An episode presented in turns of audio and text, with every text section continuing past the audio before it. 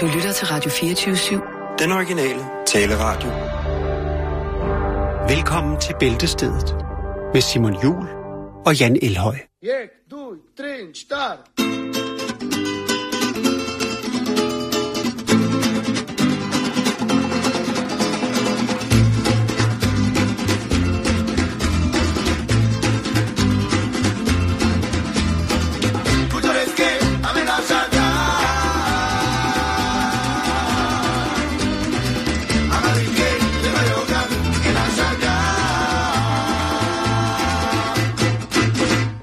Jamen, øh, velkommen til øh, en omgang af Bæltestedet, som i dag bliver sendt til jer fra øh, vores stue. Det har vi gjort før, og har faktisk fundet ud af, at vi synes, det er rigtig hyggeligt at sidde herhjemme og sende øh, på rigtig mange punkter.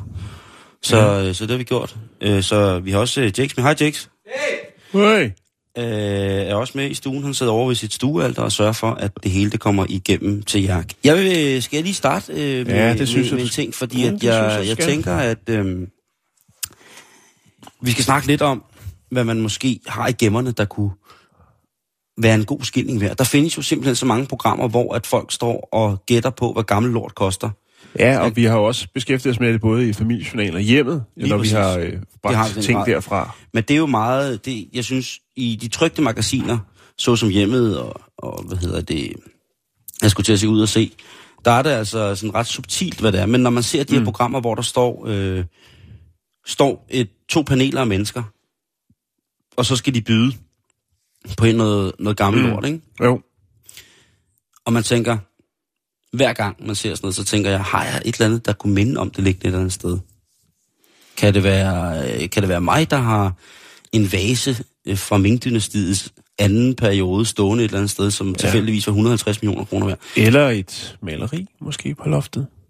Det er jo, vi, jeg elsker jo sådan nogle historier. Ja, jeg er fuldstændig tosset med. Altså, og, og tit så er det jo sådan, så at... Øh, altså, els, jeg, jeg synes, det er sjovt, de der programmer, når der kommer nogen ind med... Altså, de har nogle ønsker om, de har fundet noget, de synes, der ser gammelt ud, og godt kunne lide noget, og så er de får ja. at vide, jamen, du kan få en, en 100-200 kroner for det.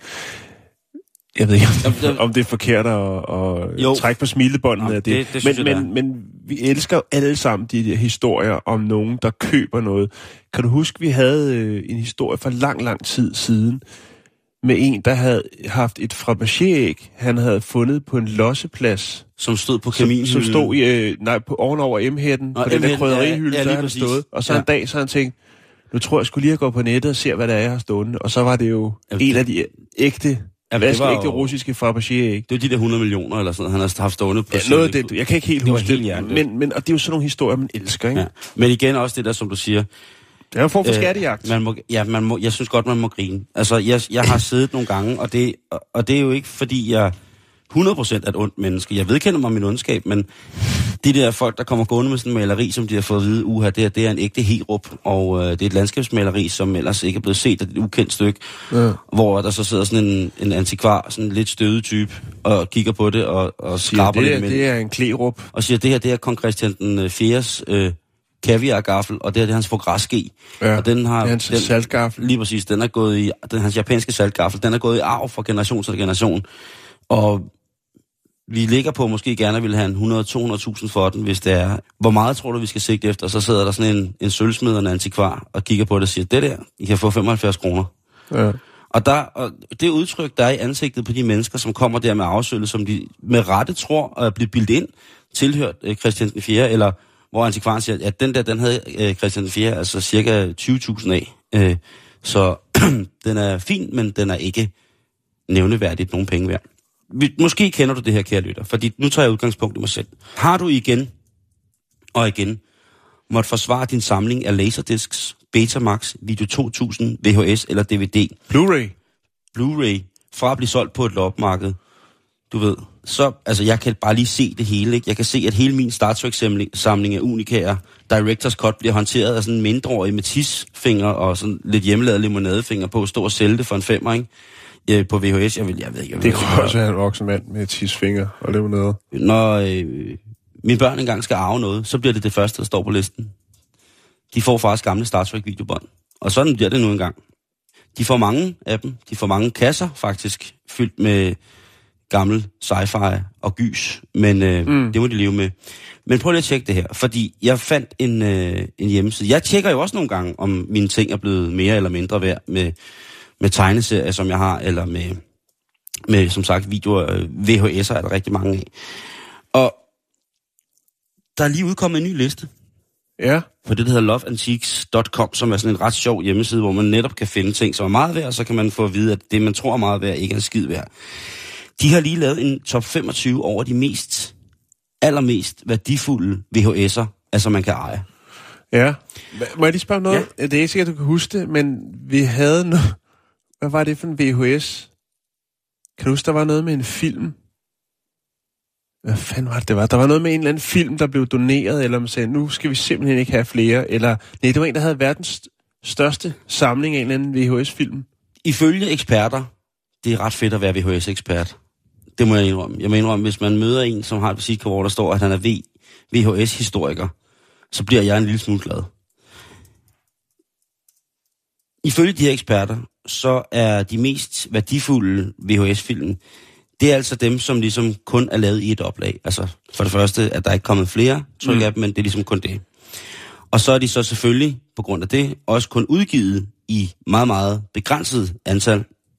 Der skal man altså virkelig kigge godt efter, hvis man har nogen af mormor og morfars, eller fars mor, far mors gamle videoer. Altså titlen på de her film kan også godt være med til at, at have været, gjort det til kult, og dermed så også gjort det til et sindssygt samler, øh, samlerobjekt. Ja, jeg, jeg havde en øh, VHS-film, det var faktisk en, vi brugte dengang, vi lavede fjernsyn, mm. øh, hvor i Ilmers Corner, der blev der vist sådan nogle virkelig dårlige film. Ja. Der var blandt andet en film, jeg, jeg gik jo sindssygt mange VHS-bånd igennem, men der var en, der hed øh, Fede går amok. en dansk? Nej, ja, det var, nej, det var jo så med øh, dansk oversat, ikke? Jeg kan ikke huske, hvad den hed på... Øh, men det var altså sådan en film, som jeg tror, den har ikke været særlig stor oplag på. Men, øh, men øh, ja, det kunne man, altså, det kunne godt være for samler. Det er jo også det, der er så interessant med sådan noget, Simon. Det er jo, at hvis der sidder en, ikke, og du har the missing link, du lige mm. har den, han mangler i sin samling, så ryger prisen jo op, selvom den måske ikke har nogen øh, værdi for dig. Og det er jo tit sådan med sådan noget, hvis du finder en rette køber, jamen, så kan værdien også... Øh, Og det er jo det, det hele handler om. Ja. Det handler om, hvad værdien er for samlere. Mm-hmm. Jeg vil ikke tage dem alle sammen, men jeg vil lige tage top 10-listen af dem. Den film, der hedder Black Decameron, jeg ved ikke, om man kan huske den. Ja, den har jeg i hvert fald øh, set på et tidspunkt, nok ikke i, i den udgave. Den er fra firmaet, eller fra produktionsselskabet Intervision, og den står der, øh, den kan du altså få 8.000 kroner for, øh, sådan som tingene er i dag. Mm. På en øh, 9. plads, der ligger der Flesh Eaters. Filmen Flesh Eaters. Hvis man har den på VHS, så kan du altså også komme op og ramme omkring 8.000 kroner for den. Don't Open the Window. En, en, en klassisk 80'er-film, som i dag står øh, til at kunne indbringe dig omkring 9.000 kroner, hvis du sælger den. Lemora, en fuldstændig fantastisk klassiker. Øh, og den skal vel også være i god stand, tænker jeg. Der er jo, Jo, jo, jo, jo. altså, VHS'er bliver jo, Jo, slidt, jo, jo, jo. kan man sige. Altså, hvis man, altså, den skal kunne ses jo. Ja, så man jo skal skulle have købt filmen, og så tænke, ah, den er ikke noget for mig, den ryger ind på hylden. Øh, Lemora, eller Lady Dracula, som den også hedder, fra IFS, den er også omkring 9.000 kroner værd. Hvis man så har den film, der hedder Journey into Beyond, øh, fra City Center øh, Go, så kan du altså cashe 10.000 kroner ind, hvis du vil sælge den. Det vil du selvfølgelig ikke. Så er der The Legend of Hillbilly John fra produktionsfirmaet Rainbow, eller Legenden om Bunderøvs John. Den kan altså også indbringe dig 10.000 øh, kroner, hvis det er, at du gerne vil af med den og har den i en mint condition. Celestine øh, stiller roligt på en fjerdeplads. Den kan indbringe dig omkring 11-12.000 kroner. Det samme kan filmen Betrayed fra produktionsselskabet Tabu øh, omkring 11-12.000 kroner. The Beast in Heat, det er andenpladsen. Den er cirka 13.000 kroner værd, hvis det er, at du ligger inde med en god sebar udgave af den. Og den sidste, og den som absolut ligger på toppen over øh, dyreste VHS'er, som du kan sælge i dag, mm. det er Frankensteins Castle of Freaks. Den kan indbringe dig omkring 16.000 kroner, hvis det er, at du ligger inde med sådan en. Det er jo bare om at øh, gå i kasserne og se, om man har noget liggende, eller være lidt ekstra opmærksom på, øh, på loppemarkederne. Loveantiques.com, der vil du gå ind og se den fulde liste og finde ud af, om du har noget liggende i gemmerne, der lige kan redde din sommerferie. Sejt. Øh, jeg gik lige på nettet for lige at finde ud af, hvad det var for en historie, vi havde. Det var selvfølgelig historien om øh, russeren øh, Ryan Beats, som... Øh, Det er rigtigt. eller amerikaneren, undskyld, Mm. Ryan Beats, som øh, havde en samling, har en samling, og det var sådan noget med, at øh, nu var den blevet så stor, og folk var begyndt at donere til ham. Men han var altså på det tidspunkt, hvor vi havde historien, der havde han 500 kopier af VHS-kopier af filmen Speed. øh, med Keanu Reeves og, og Sandra Bullock. Ja. Nej, nej, nej. Det er Øh, også, og så havde han 26 øh, DVD'er. Han tager altså på sådan nogle turnéer, hvor han kører rundt, øh, rundt i USA i sin bil, og så køber han øh, de øh, udgaver, eller de øh, antal, han nu kan finde rundt omkring af, af filmen Speed. Han, har også, han har også fået en masse tilsætning. Jo, jo, han får, øh, man kan, han har lavet sådan en, øh, altså sådan en doneringshjemmeside. Jeg kan ikke lige finde den her, men øh, vi har jo selvfølgelig historien, så vil man høre den igen, jamen, så kan man jo finde den på hvor en af vores ufattelig mange øh, rigtig, rigtig gode øh, podcasts. Og lad os så komme videre.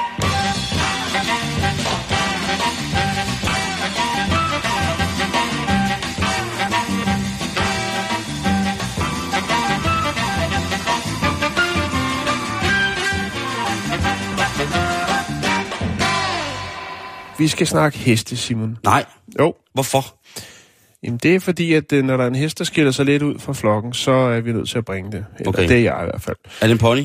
En islandsk pony? Vi skal snakke om veteranvedløbshesten Morstad, øhm, Det mener du ikke. som øh, jo, Altså, vi snakker travheste nu.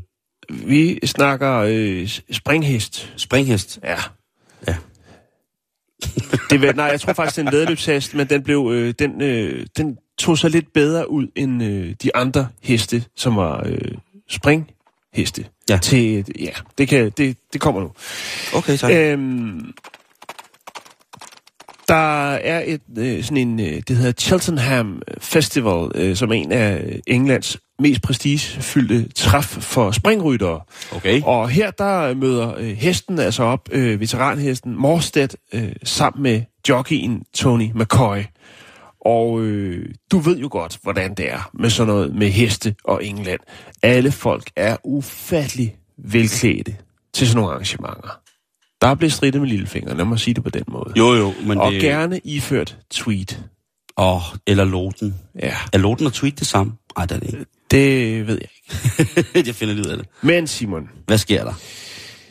Det er jo... Øh, jamen, så er det sådan, at, at, at Tony McCoy tænker, at vi, øh, vi skal have, det skal være lidt ekstravagant.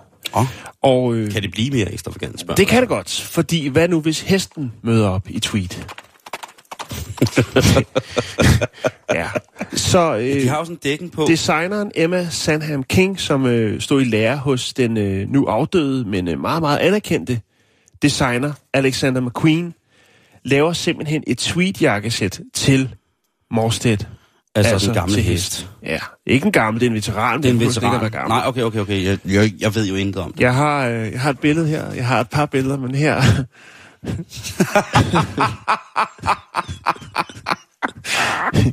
Jakes kan også lige se det. Det er god, det er god stil. Øh, øhm, lort. det tog fire uger at arbejde på det her tweet-sæt til øh, Morstead, og øhm, Kan den ride i det der?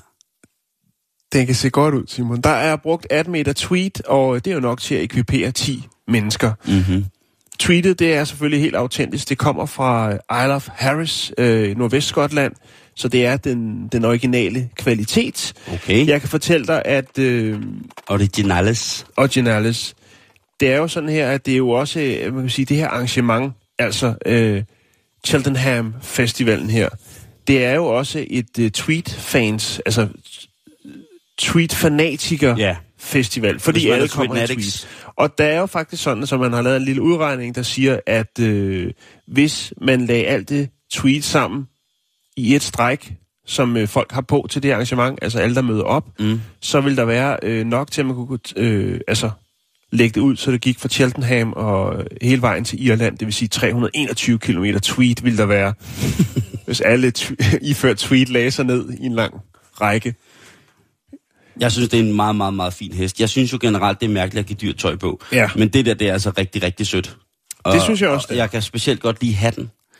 Hatten er fin. Jeg Jeg, synes, skal nok, øh, og nu sidder vi selvfølgelig her i radioen og snakker om en, øh, en, øh, en øh, modehest, en hest, der er klædt på til, til den rigtige lejlighed. Der er også lige et andet billede af den her. Men jeg skal nok lægge dem op øh, på vores Facebook-side, som selvfølgelig er øh, Må jeg lige se det billede igen? facebook.com-stedet. Ja, den ser altså... Den ser meget, meget elegant ud. ja, det og jeg. jeg synes også, at hesten ser ret, ret glad ud for det. Den, ser ret glad ud. Den Ja. ved godt, at den øh, den sporter the shit lige nu. Fokus. Hokus pokus, den er i fokus. Ja, undskyld. Der... Nå, men altså, øh, det er jo øh, Cheltenham Festivalen, det er en fire-dages begivenhed, øh, startede tirsdags og slutter i morgen med det ikoniske Gold Cup-løb. Ja, det var det. Vi skal videre i programmet. Los, machen wir ein paar Fotos. Ja, Mann, gehen wir. Was geht ab, Professor Eich? Hallo, Professor Eich. Hallo, ich habe schon auf dich gewartet, Scheißhaufen. Ich werde die besten Fotos machen. Packen wir es an. Og vi skal faktisk blive i England, Jan. Nå, det er godt. Og ved du hvad? Jeg har sgu en lille romantisk historie. Åh, oh, det kan jeg godt lide. Ja. Og det er lige så klassisk som Tweet er. Nu snakkede vi lige om hesten lige før, med det flotte sæt på. Øh, og øh, man kan se hesten på vores Facebook nu. Øh, Ja, det kan man. facebook.com-bæltestedet. Ja, bæltestedet. Men nu skal vi tilbage til en tid, Jan, en svunden tid, og noget, som jeg rent faktisk ikke troede eksisterede mere. Vi skal nemlig snakke om mælkemanden. Ja. Er du gammel nok til at kunne huske en mælkemand?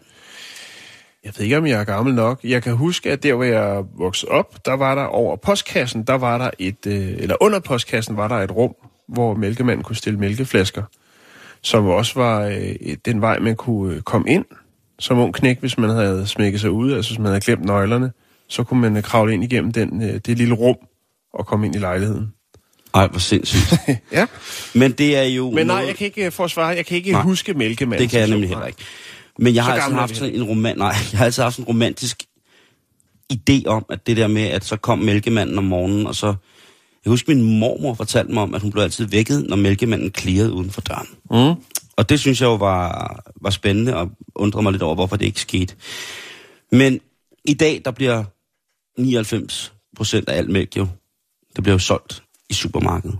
Ja. Det bliver jo kørt i store tankbil, tankbiler fra, øh, fra, fra køerne og mælkestationerne, og så kan vi ligesom gå ned i supermarkedet, og så er det ligesom bare det. Men jeg har fundet en vaskeægte mælkemand i England, Jan. Han hedder Neil Garner, og han er 57, og han sætter en ære i at stadig at køre mælk hver morgen. Han havde selvfølgelig troet på et tidspunkt, at nej, det her det kommer ikke rigtigt til at gå. Fordi der er jo ikke nogen, der gider betale det ekstra for at få deres mælk bragt til døren, således at de om morgenen på deres havregryn eller deres kaffe kan få en mm. helt frisk flaske mælk. Ja, med, så- som, med så meget andet, så er det jo kroner og øre. Men Neil, han efter. elsker bare mælk. Han er så meget nede med mælk. Og han synes jo, at økologisk, friskmælket mælk fra lokalområdet skal komme de lokale til, til gode. Så han tænker, hvordan kan man egentlig... Og der er ikke nogen tvivl om, at de lokalområder, han kører øh, omkring St. Albans, der er folk vilde med den lokale mælk. Mm. Og de har ikke muligheder for rigtig at købe det, og de skal ud til gård, øh, i butikkerne, så de skal på gårdene, og sådan, at får folk ikke gjort, og så bliver det ikke solgt, og så går det rigtig skidt for dem. Men Neil, han tænker, fuck it, jeg gør det sgu. Jeg og så tænker han, hvad kunne man egentlig også... Altså, der er jo de her, alle de her services, hvor man får bragt grøntsager til døren, altså, og man får, kan få bragt sin dagligvarer til døren nu. Mm. Og man behøves i virkeligheden ikke at røre en flyvende finger, fordi der er nogen, der kan komme og gøre alt, så længe man betaler for det. Så Neil han tænker, hvad kan jeg dog gøre for at få bragt min elskede mælk ud fra mine gode venner, der laver det, til de folk, som, rigtig faktisk, som rent faktisk gerne vil have øh, et ordentligt mælk. Internettet har jo gjort mange ting rigtig besværlige, men de har selvfølgelig også skabt nogle muligheder. Så Neil han har lavet en hjemmeside, hvor man kan melde sig til for at få frisk mælk. Men man kan også på lørdage og på søndage og på fredag, der kan man også bestille continental breakfast med. Man kan bestille en god gammeldags engelsk, øh, ingredienserne til en engelsk øh, morgenmad med. Mm. Noget bacon og nogle æg og nogle pølser, nogle bønner, og så kører vi altså. Og så Og får noget man, toast. Og noget toast. Ja, det kan de godt Og noget marmelade, og så får man frisk mælk. Marmalade. Han har kørt mælk øh, siden, siden 1994. Ja. Og han kan simpelthen ikke lade være. Han synes, det er så hyggeligt, fordi at han mener, at den tid om morgenen, hvor han, han kører, starter klokken to hver morgen med at køre mælk ud til folk, så er der et stort depot, Og så mødes han med de ansatte, han har, som øh, også kører mælk ud, frisk mælk ud. Og er det ikke cool? Jo, det synes jeg. Så mødes de der om natten klokken to, og øh, så har de øh, otte små elbiler, som står lader op, og så kører de ud om morgenen. Sådan Så som, de kører også med elbiler, ja. Så Ja, men, det, men det, er, det er så jo, langhåret. ja. Det, det er lige nede i min alley, det her. Det, Ja. er, det, det er så langhåret Det næsten. lige oppe i din gyde. Lige præcis. Det, det er lige der, hvor jeg gyder. Og, det, og man, altså, det er lige før, man får nok af det, ikke? Men jeg synes bare, den var så hyggelig. Jo, det er Han, altså, øhm, passioneret mand. Jeg kan lide det. Jeg han, med det. øhm, han har nu addet to eller tre andre ting, som, han, som hans øh, meget, meget glade kunder spurgte, om han ikke nok også kunne sørge for at tage med øh, nogle, nogle gange. Ja. Øh, og han har øh, hundemad og kartofler og toiletpapir. Det har han så ud over morgenmaden. Det kan han altså også godt lige tage med. Men prøv at tænke på Så det han her. har lavet en form for rundspørg. Hvad kunne I ellers tænke jer? Ja, han snakker jo med, med, med folk. Folk de stiller jo de mælkeflasker ud igen, og så lægger der en lille selv på, hvad kunne man ellers, du ved, og de skriver tak for, ja, tak, tak for, for mælk, mælk. Ja. og så er de bare glade.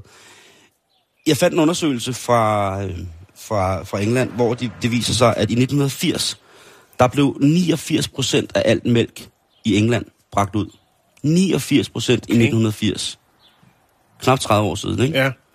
Hvad siger den i dag? Øh, jamen, der er, i 90'erne, og det er faktisk overraskende, der lå gennemsnittet på omkring 30 procent af englænderne, som fik bragt deres mælk. Mhm.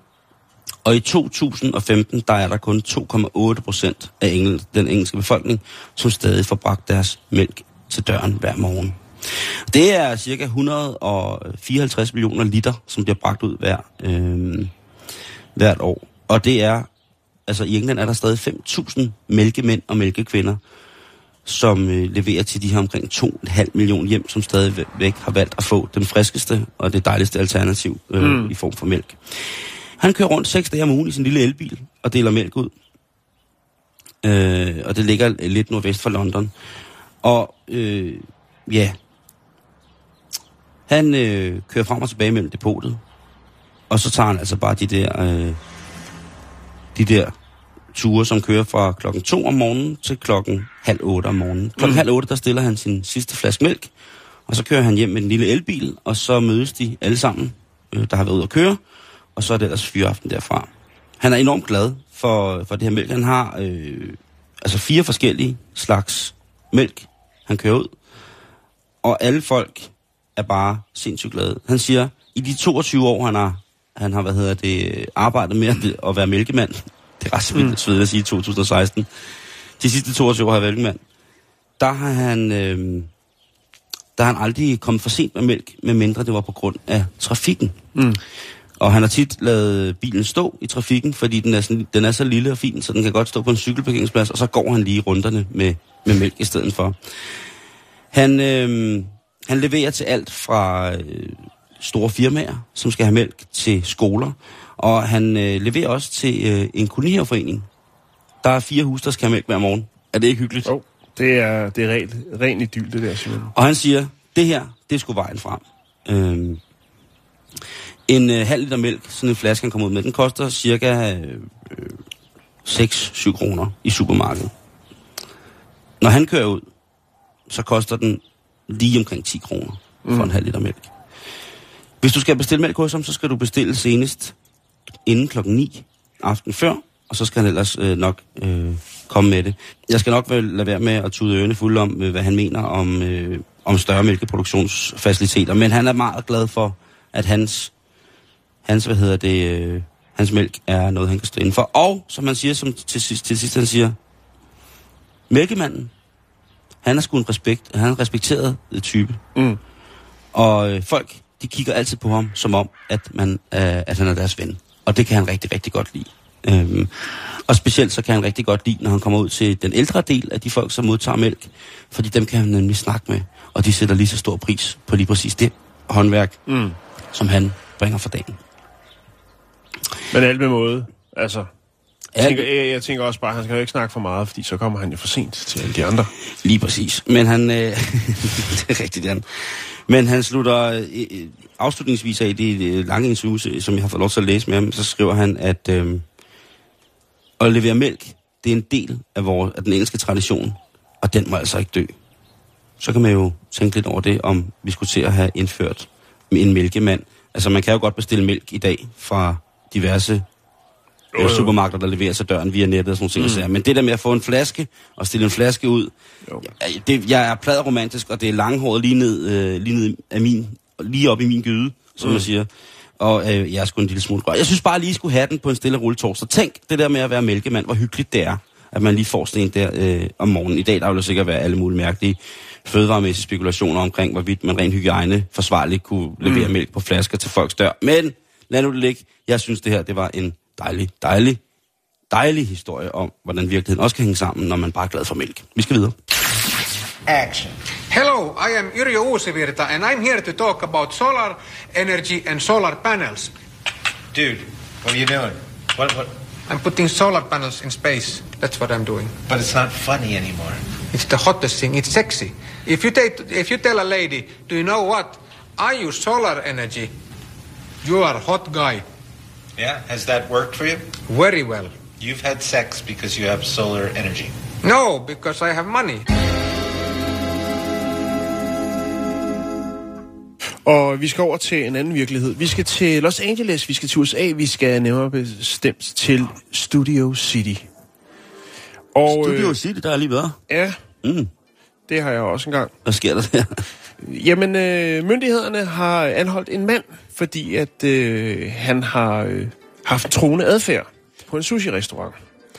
Manden, som øh, først sidder på restauranten og nyder et måltid, han betaler de 200 dollars, som hans sushi-måltid koster. Åh, oh, sindssygt, det er noget dyr sushi i USA. Det er forholdsvis dyrt, ja. Men det er også Har- Studio City, det er High Life. Ja, ja, ja, der er ikke noget pis der. Nej, der er ikke noget pis der. Lige akkurat. Øhm, på et tidspunkt inde på restauranten, der øh, ønsker han at dele sin store passion for slanger med de andre.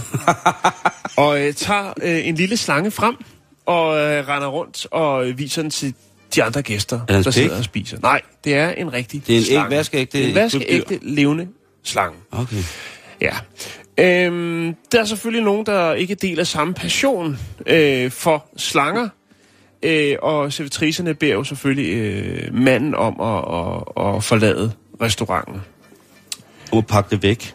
Ja, han har jo betalt og det hele, så øh, de siger, "Jamen, prøv at det, du skal ikke rende rundt her og øh, vise slanger. Efterfølgende, så øh, Er det på en restaurant, det det her? er på en sushi-restaurant. Vi er stadig på sådan en rimelig dyr sushi-restaurant. Vi er på en rimelig dyr sushi-restaurant. Han hiver slangen frem og viser lidt, at øh, det er et virkelig spændende og ikke særlig farligt dyr. Nå, men han bliver i hvert fald bortvist fra stedet. Øh, selvfølgelig under øh, en stor utilfredshed fra hans side af. Han brokker sig. Lad os bare sige det på den måde. Der går øh, fem minutters tid, og øh, så vender han tilbage. Og øh, så råber han væsentligt højere. Og det han råber, det er noget ala... Nå, så I troede, I kunne slippe for mig? Hvad? I er måske bange for slanger? I kan kraftedeme for slanger. En stor, fed pyton! Her, tag den!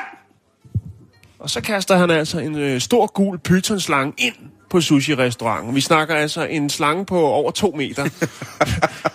øh, kaster han ind, og så øh, går folk i panik derinde. Det forstår man godt. Så stor albino pyton Ja, den, Hold den gule og hvide. Nej, nej, nej, nej. Som han i øvrigt, der findes nogle billeder, nogle før-billeder, fordi åbenbart så skal han lige have styr på den, når han er ude og hente den i sin bil, og så er der nogle børn, der ser den, og så viser han den lige til dem. Og så går han tilbage til restaurant, og så slipper han altså den løs derinde. Han, han må ikke kaste med slangen. Det er da synd for slangen. Øh, altså, jeg, jeg forestiller mig noget, at han sådan smider den ned på et bord. Og siger, Ja. vi ikke se slanger, vi skal kraftedeme, I skal se slanger. Se slangen. Jeg elsker slanger, I skal elske slanger. Python! Kig slangen. Tada, python! Kig slangen. Kig slangen. Oh. Hvad, hvad, okay, hvad, så, så går det vel... Så, Ja, så går det amok. Så går det vel banjo. Altså, alle går jo i panik, og dem, der arbejder inde, de, de sydasiatiske kvinder, de, altså, de du får den ud og ringer efter politiet, og han er sur. Han øh, er så i gang med at starte et slagsmål med nogle af kunderne, som jo øh, bliver sure. Altså nogle, de, de løber ud, og andre, de øh, prøver at tage fat i og siger, nu må du skulle slappe af og få den slange ud herfra. Hvad fanden har du gang i? du skal bare stå og gå rundt og kaste med slanger. store pyton der. Og så Ja. kommer politiet, og han øh, bliver så øh, anholdt efter. Python, Bo, så slapper du af. Ja. Øhm, og servitrisen, som i de her nyhedsindslag ser, siger, hun har oplevet en del mærkelige ting, selvom det er et forholdsvis eksklusivt sushi-restaurant, men der er aldrig nogensinde nogen, der har kastet pythonslange. Jeg har også, jeg tænker bare på, hvis der stod sådan en eller anden øh, hyggelig japansk kok, asiatisk kok ud i køkkenet, og så er der bare lige kommet sådan to meter frisk kød kravlende, ikke? Hvor, altså, tænk nu, hvis at øh, en af de der kokke bare, du ved, helt naturligt bare gå ud og tænke, åh, noget af maden er på løs. Det er jo frisk mad, sushi. Ja. Der er jo mange... Den der Maki har jeg sgu da ikke fået skåret over. Lige præcis, og så tager han lige, og så laver han lige seks, øh, seks California rolls. så er der pyton med flødeost og, øh, og en lille smule karse. Ja. Men altså, ingen kom noget til, og manden, han er blevet taget for forvaring, og slangen har det godt, eller hvad? Ja, den er, selvfølgelig, ja, den er selvfølgelig politiets øh, varetægt, der blev så videregivet øh, til øh, de rette instanser, så kan varetage øh, dens fremtid. Ja. Ja.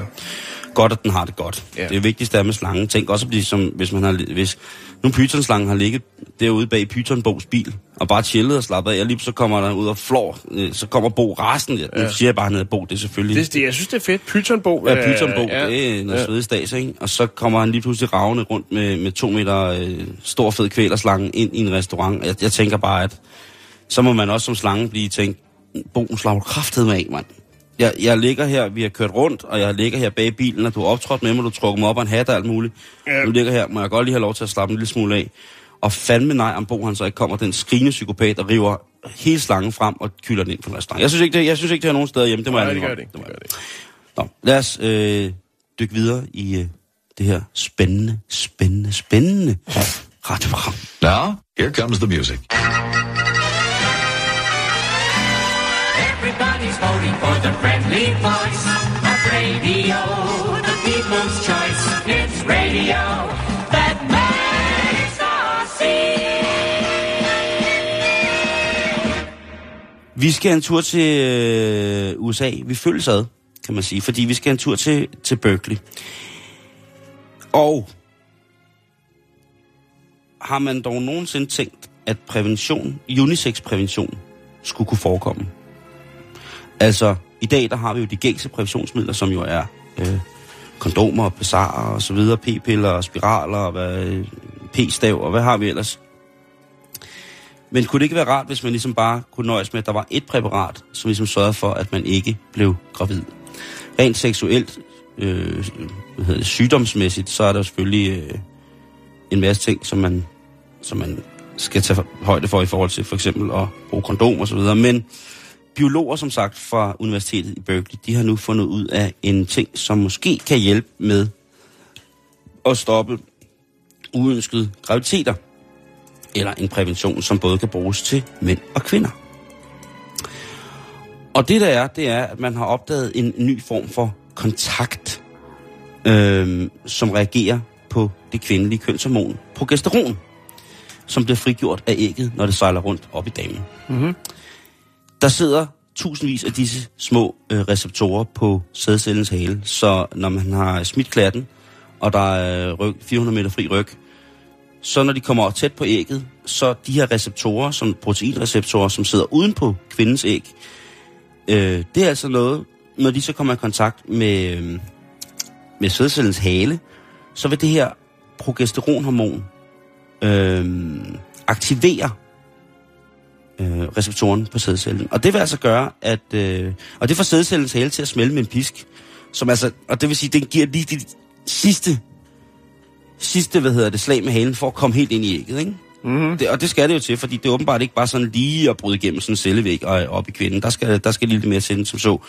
Så det er jo meget smart, at, øh, at nøglen til, at øh, sædcellen den virkelig giver den gas, så den kan komme ind i ægget, den sidder på, på hvad hedder det, selve ægget. Det er jo ret smart, at man på den måde ligesom siger, du kan ikke, øh, altså det sidste, om man siger, det sidste skud energi, du skal sende afsted, det får du altså først, når du kommer helt op, fordi så slipper vi, øh, så, så slipper slikmotor altså lige lidt, øh, lidt godt er stads afsted. Lige præcis. Og det er faktisk ret cool, siger Melissa Miller, øh, som er postdoc ved Berkeley og ved San Francisco faktisk, og hun er første forfatter på studiet her. Hun siger, at det er ret cool, at man rent faktisk øh, har et mål for at udvikle en unisex-prævention. Det kan hun godt lide. Og hvis man kan stoppe progesteronhormonet fra at forårsage de her kraftslag med, øh, fra sædcellerne, mm-hmm. så er det jo klart, så er der ikke nogen sædceller, som har power nok til at køre ind i ægget og øh, lave smukt liv. Det er altså det er re- ret avanceret.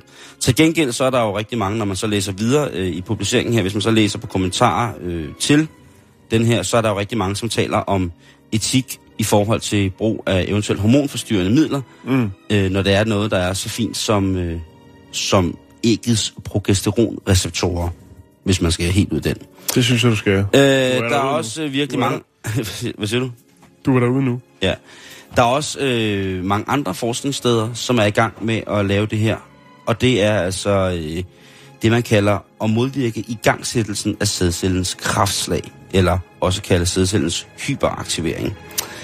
Øh, men selvfølgelig, for er første forfatter, så siger hun altså, at det her, det kan måske godt være en af de bedre metoder at gøre det på. Mm. Jeg synes jo, det er, det er svedigt at se, om det kan lade sig gøre, men igen, så er det jo altså også noget med, hvor man hiver nogle ting op i et felt, hvor jeg synes, man skal bekymre sig en lille smule, og det handler om det der med, hvor meget hormonbehandling skal man have. Hvis man generelt er sund og rask, hvad kan man så tåle at få? Mm. Der skal sikkert nok være rigtig, rigtig mange, som øh, kan få noget rigtig godt ud af det her. Men, øh, nej, ikke men, fordi det er sådan er det bare. Så øh, vi kan glæde os. Snart kommer unisex-prævisionen, og så er hele verden et meget, meget nyere og spændende sted. Man kan sige, ja. det her, hvor... Man kunne sige endnu et skridt på vej mod den Det her, det vil helt store øh, ligestilling, Simon. Jo, jo, det her det vil jo ikke gøre noget i forhold til kønssygdomme, vel? Fordi at, Nej, nej, nej. Men, øh, men man må sige, at indtil videre, så er den, det bedste præventionsmiddel, der er opfundet i mange, mange år. Jeg må sige, kondomet gør det sgu meget godt. Ja, det gør det. Så, øh, men nu ved I det. Måske kommer der snart en helt dejlig unisex-tablet, og så kan man bare knalde alt, uden der skal sker noget. Altså, rent barnemæssigt. Du skal Ja. nok få sygdommene. Jo, jo, jo. Det, Men det, det, det der, der skal også være lidt der, ikke? Nu knipser jeg, og så skal vi videre.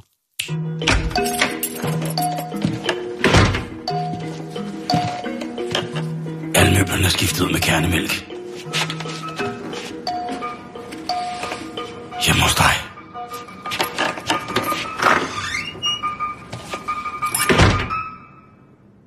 Nå, Simon, øh, vi har snakket en del om det øh, de sidste par dage, fordi det jo har været højtid, det har været påske for nogen, skal man jo huske at sige. Jo, jo, jo. Øhm, og vi har snakket en del om øh, kaniner og hare. Harmis. Harmis. Inibi harmis. Det er harmis, det her. Og øh, jeg fortalte jo Harmis. historien omkring det her med, at man havde det her, sådan, øh, den store kaninjagt, eller harejagt, øh, hvis man skulle lave en på, påskereference. Øh, men man havde altså den her store jagt i New Zealand, fordi at det jo, som jeg har sn- snakket om tidligere for et par uger siden omkring det her i Australien, med at øh, kaniner jo er øh, et, øh, et skadedyr på de breddegrader. Den er invasiv. Den er invasiv. Det er nogen, der kom med kutteren, hvad var det, med, med, med slaver og, Og fanger. og, og kaniner. Jamen, det var jo englænderne, der tog kaniner og, og fanger, Ja. straffefanger med til Australien, og så Ja. nu skal de bo hernede på det her sted, så kan de... Det kan de lige gøre. Nå, men i hvert fald, Simon, så er det altså i, øh, i Australien, det hedder Queensland, der er det ulovligt at holde kaniner som kæledyr. Øhm, og det er jo, kan man sige, så tager man det, så mener man det seriøst. Jo, jo, jo. Det er sådan så, at øh, hvis du holder en kanin, hvis du har en kanin som kæledyr derhjemme, og du bor i Queensland, det er faktisk den øh, stat i Australien, hvor at, øh, altså, hvor du bliver straffet hårdest for det. For at kaniner. Du må, altså, det er, så vidt jeg kan se, så er det den eneste stat, hvor du rent faktisk bliver straffet. De andre, der må du godt. Men i Queensland, jeg, når jeg tænker, hvis man går helt derud og har sådan en strafferamme for det her, som er 6 måneders fængsel og en bøde på op til 220.000 danske kroner. Are you kidding me, mand? Så Altså, altså, forestiller kanin- mig virkelig, der må være problemer med Hvad har de dog? kaniner. Sindssygt. Jeg forestiller mig, at du kigger ud over, altså ud over landskabet, Og og så så, bare er der bare sindssygt mange kaniner. Altså bare sådan nogle ører, der bare Ja. stikker op. Det, ja. det er sådan en helt landskab af ører. Man tror, det er græs, der Ja. står bølger. I virkeligheden er det bare kaninører, der står og blafrer i vinden. Men, Hvor er du sindssyg. Simon, i Ja. Springwood, der er der så en mand, som havde, øh, havde en kanin. Og det var der så nogen, der havde bemærket. Der har sikkert været en misundelig nabo, der tænkte, hvis han... Øh, der har også været nogen, der tænkte, okay, han, øh, han ønsker åbenbart at komme af med nogle penge og komme lidt ind og tænke over tingene. Mm. Så jeg ringer til ordensmagten, og øh, så kan han få lov til at øh, blive straffet retmæssigt. Og øh, politiet dukker så op for at konfiskere kaninen, og selvfølgelig... Øh, Han, han har kun én. han har kun én kanin. Altså, det er selvfølgelig også Han har én kanin, Simon. en kanin tilbage. Da det er Springwood politi dukker op, så siger manden, og jeg har et billede af det, han siger, øh, det der, det er ikke nogen kanin. Det er et marsvin. Så siger politiet, jo, det er en kanin. Så siger han, nej, der tager I fejl. Så må I lige gå på nettet. Det her, det er et marsvin. Og, altså en øh, guinea pig. en guinea pig, lige præcis. Og øh, her har vi politibetjenten med marsvinet. What? Den er jo kæmpe, kæmpe stor. Ja, og det er ikke noget marsvin. Det der, det er altså absolut ikke et marsvin. Nej. Gud, hvor er den stor og sød. Den Men kan, selvom manden rent faktisk jo nok, øh, øh, hvad skal man sige, ender i at, at skulle møde op i retten, øh, så påstår han stadig hårdnakket, og det er til trods for, at I skal ikke konfiskere mit marsvin. Og han øh, kræver, øh, altså han er helt stålfast på, jamen han skal have sit marsvin tilbage, for det er et marsvin. Om Hvad- den holder i retten, og siger, "Jamen, så er jeg blevet snydt. Da jeg, øh, så, da jeg så annoncen i en blå avis, der stod der marsvin sælges. det melder historien ikke noget om. Det er blot en tanke. Mm. Ja. Men øh, er han det- blind? nej, det er han ikke. Han har købt marsvin. Eller han ejer et marsvin. Jeg synes jo, altså det er lidt, det er lidt ligesom i, øh, i, i den historie, vi havde i starten, det der med folk, der tror, de har noget, der er noget værd, ikke? Jo. Det der med folk, der har købt det forkerte dyr. Jo. Og her, der jeg tydeligvis har han jo aldrig set en marsvin. For udover det der, det er en abnorm stor kanin. altså den er jo kæmpestor, den der kanin. Ja. Så er der nok ikke rigtig nogen tvivl om, at, at det er en, en kanin. Men jeg tænker, det kan også være en undskyldning, ligesom vi har snakket om det der med, når folk de bliver stoppet af politiet, øh, og politiet så spørger, om de har fået noget at drikke. Og så siger de måske, ja, en enkelt øl øh, i morges, eller et eller andet. En så- øl i morges. Et eller andet. En dårlig undskyldning, ikke? en stor fad til morgenmad. og et blødkogt Jeg fik guldøllebrød til morgenmad. Guldøllebrød. øh, hvad hedder øh, Du ved, de har altid... Og så, og så siger han, "Nå, men så er det sjovt, du har en øh, promille på 1,2. Eller så. Det forstår jeg ikke. Det kan jeg kan du ikke huske, hvad havde historien med en eller anden, hvor der var påstanden var så... Jo, det var hendes sandwich. Hun har lige spist en sandwich. Det må have været den, der var noget i. Det er rigtigt. Hun Altså, det er det, jeg en- mener, at folk, der er øh, udmærket godt ved, at nu falder hammeren, så er de ret hurtige til at finde på noget, der er virkelig en dårlig undskyldning. Ja, så starter det, ikke? Og der er ingen tvivl om, det her, det bliver eller har aldrig nogensinde været et marsvin. Det er en kanin.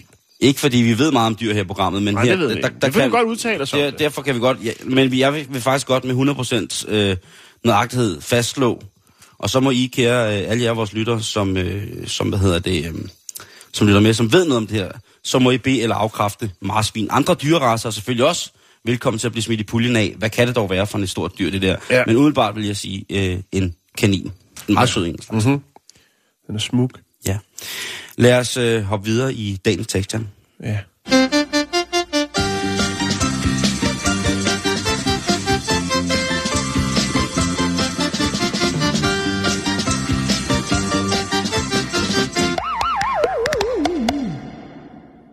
Jeps, vi er øh, i gang med bæltestedet, og hvis du synes, det lyder lidt anderledes, end øh, hvad det plejer at gøre, så er det fordi, vi sender hjemmefra i dag. Vi har simpelthen valgt at tage hele studiet med hjem, og øh, her sender vi så fra. Nu skal vi snakke, Jan, om øh, et ny form for pålæg, som er nemt at have med at gøre, og som på alle måder er en... Øh, Kattis kaviar. ej, det er jo godt. Det er godt. Men det her, det er Men du faktisk... sagde noget, der var nemt at gøre, men du sagde ikke, at det var noget, der skulle være skidt, eller hvad? Nej, det jeg ved ikke, om jeg har ikke smagt det her. Jeg har bare lige set, at det er nyt.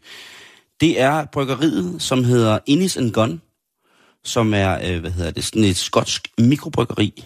Øhm, ja, mikro er det heller ikke. Men øh, jeg sad og læste i øh, The Scotland Herald, og der var der en rigtig, rigtig stor artikel omkring et nyt produkt, de har lavet.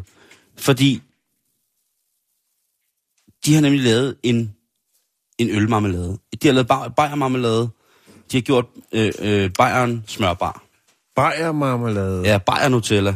Altså, i går havde du fissepils, og nu kommer du med bajer. Ja, men det... Hvor, hvor, øh, hvor hen på nettet er det, du ligger og råder for tiden? øh, I Skotland. ja.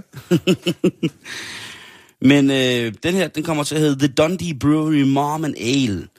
Og øh, det er øh, en, øh, en opskrift, som indeholder egetræslagret Indian Pale Ale. Og øh, det er noget, man så koger ind, således at man så øh, får den her sure, søde bitterhed. Har du nogensinde smagt sådan en rigtig engelsk breakfast øh, appelsinmarmelade, bitter appelsinmarmelade? Jeg kan ikke fordrage appelsinmarmelade. Jo, jeg tror godt, jeg sikkert jeg kunne godt spise det, hvis det var ren høflighed, men jeg vil helst være fri for Du er så fri. appelsinmarmelade. Ja, jeg synes, det er noget mærkeligt noget. Jeg elsker sådan en bitter appelsinmarmelade fyldt med revet øh, appelsinskal, så jeg synes, det er helt fantastisk. Og det er altså det, som de ligesom er gået efter. De er gået efter at få en marmelade, som både kan, som de skriver på deres Så de har hjemmeside- reddet nogle øl ned i? Det skal være, ja, der skal, der skal være både, øh, der skal være både plads til fornøjelse, men der skal selvfølgelig også være plads til fornyelse. Og her er den altså så, øh, inde i sin gun. Jeg vil lige lægge et billede op af den, så I kan se den. Øh, julegaver. Hvad, Øh, hvad er det, der er inde er i? Er så er skaller, eller hvad er det? øh, det er appelsin. Okay, Bitter så appelsin. det er en øl-appelsin. øl, appelsin, og så, øh, du ved, det er, Indi- eller øh, øl, det er Indian Pale Ale. Og der kan man så øh, smøre tyk på, hvis man har lyst til det. Og øh, deres, deres, hvad hedder det, brygmester, som hedder Dougal Sharp, Wochel Sharp.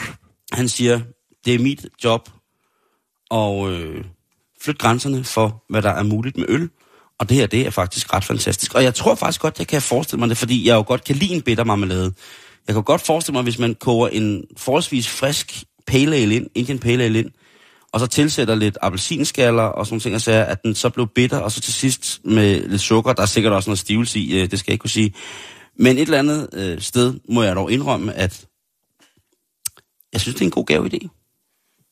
Jeg ved ikke, om jeg selv vil, øh, vil synes det, men jeg har da i hvert fald nu været inde på deres hjemmeside for at se, at man kunne bestille noget af det her, så man kunne prøve at se, om der var... Øh, Altså, noget. jeg tænker sådan nogle ting, jeg plejer altid at købe sådan nogle ting, der er lidt, lidt, øh, lidt anderledes og skiller Mm. sig ud til, når man har venner, øh, som er nået op i den alder, hvor de ikke ønsker sig noget. Mm. Så er det altid godt at købe noget, som, som de aldrig har set før. Så vi ude For eksempel så øh, til en, der købte jeg så, jeg havde fundet et sted, hvor man kunne købe noget marokkansk rødvin. Jeg ved ikke, om den smagte godt, men der kommer ikke meget øh, rødvin fra Marokko. Og det var jo ligesom noget, hvor han sagde, Nå, hold da op, det må jeg nok sige, du ved. Altså, så bliver man glad. Og rent så, faktisk, så får man øh, en, øh, en på opleveren. Der er masser Så det kunne også godt være bajermarmelade. Der er rigtig meget glimrende øh, rødvin fra Marokko. Men nu er den her altså... Ja, det er ikke så udbredt. Nej, det er det ikke. Ikke Men øh, nu er den her altså bajermarmeladen. Jo, tak. Jeg lægger lige et billede op af den på vores Facebook. Facebook.com skråstrej bæltestedet. Er du lige kommet ind her på falderæbet af, hvor vi er ved at slutte bæltestedet for i dag, og gerne vil have resten med, så er vi jo altså også på podcast, og det kan du, gøre- øh, du kan hente podcasten eventuelt via Radio 24 Syds ganske fremragende podcast-app, hvis jeg selv må sige det. Ja, og iTunes og så videre, så videre. Lige præcis. Ja. Oh, hello, friends. I didn't see you come in there. Welcome to the joy of music.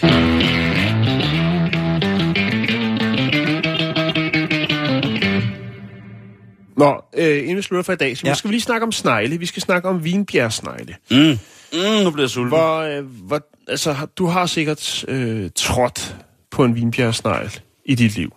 Ja, ja. Og vil bare til. Ja, det, det, det Og kan godt ske. Ja. Øh, men nu er der altså nogen, der mener, at nu er det på tide, at øh, vi tager os godt af de smukke vinbjergsnegle og deres huse. Fordi det er jo et, øh, det er jo et fint, et fint dyr at have i haven. Det er mad. Det er også mad. Øhm, men nu er der nogen, der tænker, hvad, kunne man ikke gøre et eller andet for at, ja, både for, for sneglens skyld, men også selvfølgelig for menneskets skyld, at man ikke øh, får det her øh, lidt med en trist udgang, et, et møde, øh, støvle møder snegl, og snegl dør, og ja. Så derfor så er der altså nogen, der er begyndt at pimpe sneglehusene. Og øh, det er selvfølgelig med, hov, med øh, forskellige looks. Åh, oh, hvor ser se, det... Jeg har nogle flere. Hvor så bliver de af? Det der, det er Der, der er en med Adidas logo på her. Øh, ja, der er forskellige kreative øh, bud på dagen med graffiti på. Øhm, der er forskellige kreative bud på, hvordan man kan male sine sneglehuse, sådan så at øh, man ikke får det her, sådan, øh, det her lidt øh, uønskede møde, som, som jo oftest får en øh, tragisk udgang for sneglen. Øhm, så derfor er der altså nogen, der begynder at være kreative øh, og tænke, vi skal sørge for, at sneglen har det godt, og hvorfor så ikke pimpe deres hus. Og øh, det gør man selvfølgelig med maling, som ikke er giftig. Og øh, der findes faktisk øh, nogle gode råd og tips øh, på nettet. Men Simon, jeg synes, jeg synes, det er en god idé. Det er kreativt, det er godt tænkt, og der er jo uanet af muligheder i sådan et, øh, et sneglehus. Vinbjergsneglen, det er jo en, øh, en øh, spiselig, hvis man skulle være i tvivl, så er det jo en, øh, en spiselig snegleart. Og i Europa øh, er det den største skalbærende landsnegl. Øhm, ja, jeg ved. Yes. det godt. Øhm, sneglen er jo spiselig, men altså, og det har vi faktisk også gjort i Danmark. Øh, I middelalderen, der blev sneglen ikke betragtet som kød, så derfor så måtte man gerne spise den under fasten. Okay. Så der har man altså bare... Nom, nom, nom, nom, sikkert også rå. Øhm, således, så i gamle dage, Simon, der er klostre og herregård, øh, de opdrættede vinbjergsnegle. Øhm,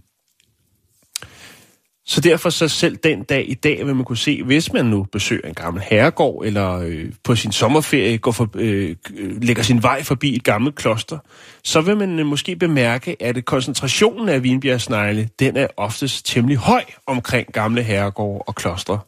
Fordi de simpelthen er blevet Fordi kultiveret de- der. De er blevet dyrket der. Lige præcis. Er det svedigt, mand. Øhm, På i Vinbjergsneglen, dag. Det er Nature Program Today. vinbjergsneglen er fredet i det omfang. Øh, altså, man må ikke lave kommersiel indsamling. Du må ikke bare gå ud og rovhøste øh, vinbjergsnegle, men du må godt øh, tage til en god frokost, hvis det er det, du ønsker. I Danmark øh, er det så under øh, sankeloven af, fra Jyske Lov af 1241 med, at man må samle en hat fuld. Det det er gældende for svampe jo i dag, for eksempel. Ja.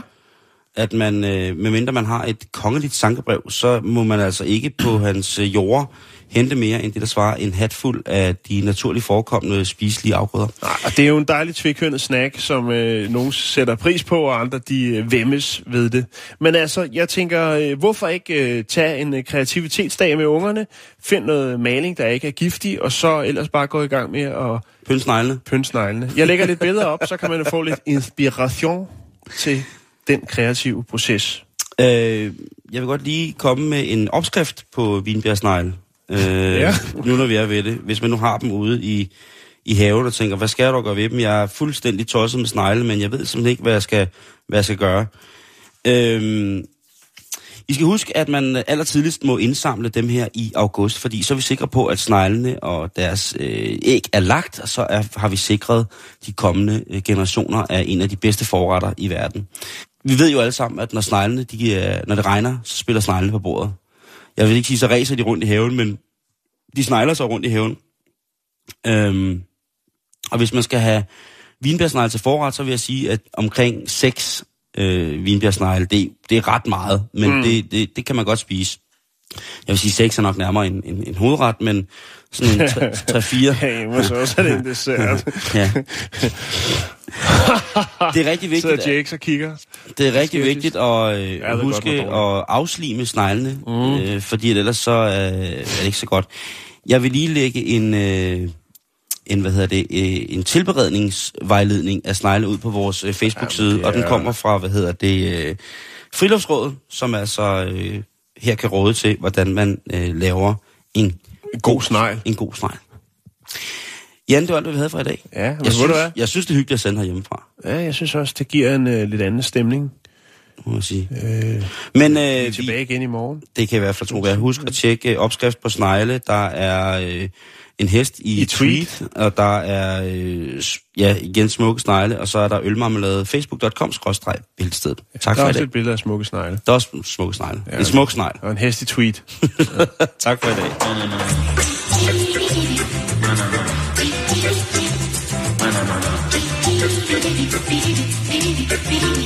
na.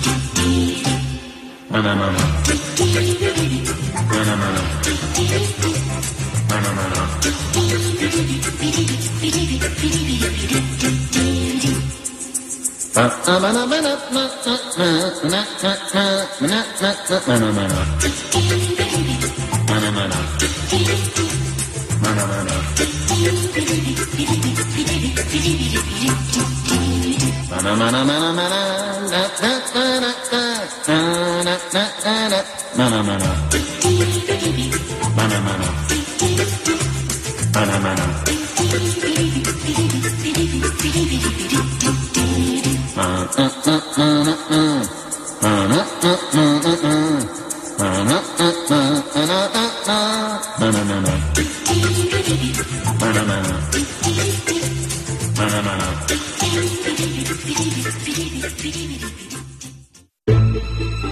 lytter til Radio 24 /7.